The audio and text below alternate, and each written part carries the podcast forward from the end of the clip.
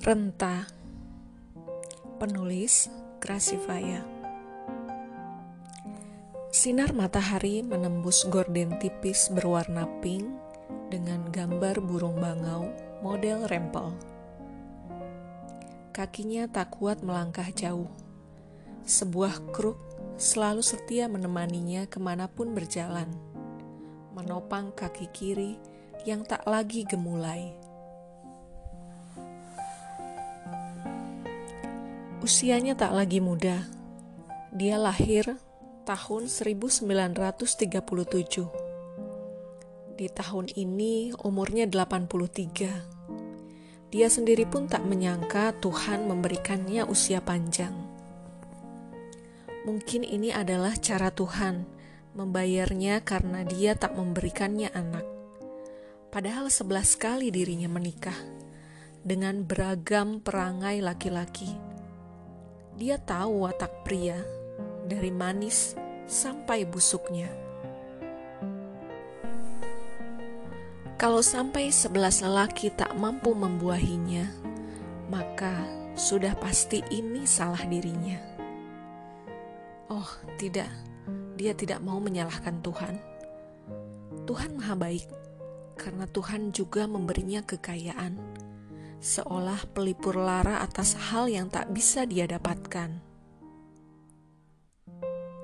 Siti tak menemukan suami yang baik, sampai dibilangin suami yang ke-10 di usianya yang menginjak 43 tahun saat itu. Pak Sueb begitu baik padanya. Siti sampai pergi haji berdua dengan Pak Sueb, duda beranak lima, yang istrinya sudah meninggal. Tapi sayang, anak-anak Pak Sueb menjaga jarak dengan Siti.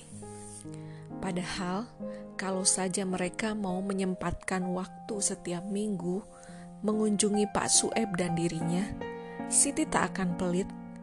Sangatlah mudah bagi Siti membuatkan rumah satu persatu buat anak-anak tirinya.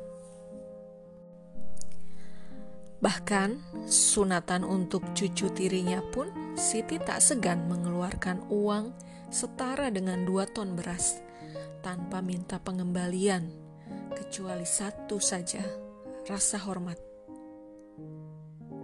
Hidup Siti bahagia dengan Pak Sueb 25 tahun sebelum kemudian Tuhan mengambilnya. Setelah selesai masa berkabung, Siti kembali mencari calon suami usia 68. Siapa lelaki yang mau padanya? Tentu saja ada, karena Siti tahu dia memiliki uang. Lelaki mana yang tak suka uang? Akhirnya pilihan Siti jatuh pada Jumadi yang terpaut 10 tahun lebih muda dengannya. Jumadi sudah beristri.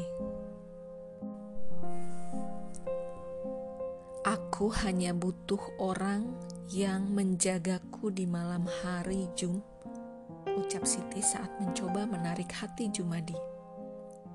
Aku tak punya keturunan, hanya keponakanku saja. Mereka sudah kubagi warisan. Aku akan menjamin kebutuhanmu dan istrimu. Siti berkata lagi. Dia tahu, dia terlihat seperti arogan dan membeli laki-laki. Tapi inilah cara terbaik yang menurutnya harus ditempuh. Jumadi tetangga desa Siti menjadi petani di masa sekarang tak seelok dulu.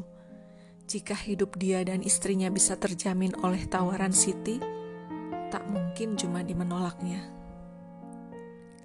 Kalau aku mati, namamu pun sudah tercatat di surat wasiatku kamu dapat bagian satu hektar sawah, asal kau mengurusku dengan baik. Tak pikir panjang, Jumadi pun menerima tawaran itu. Ini demi kebahagiaan keluarganya. Tak apalah dia terima tawaran Siti. Walaupun Jumadi tak tahu bagaimana harus menyampaikan maksudnya pada istrinya di rumah. Hari-hari berlalu, Jumadi, walau tak sebaik Sueb, tapi dengan setia menemaninya setiap malam. Dia yang menguncikan pintu gerbang dan rumah yang dikelilingi sawah. Terkadang Jumadi memijiti kaki Siti, walaupun Siti tak pernah memintanya.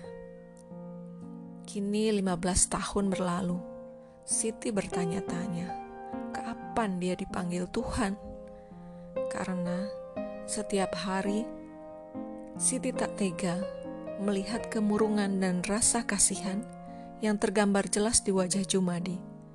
Suami kesebelasnya seolah selalu berdoa akan kematiannya, yang juga sangat Siti nantikan.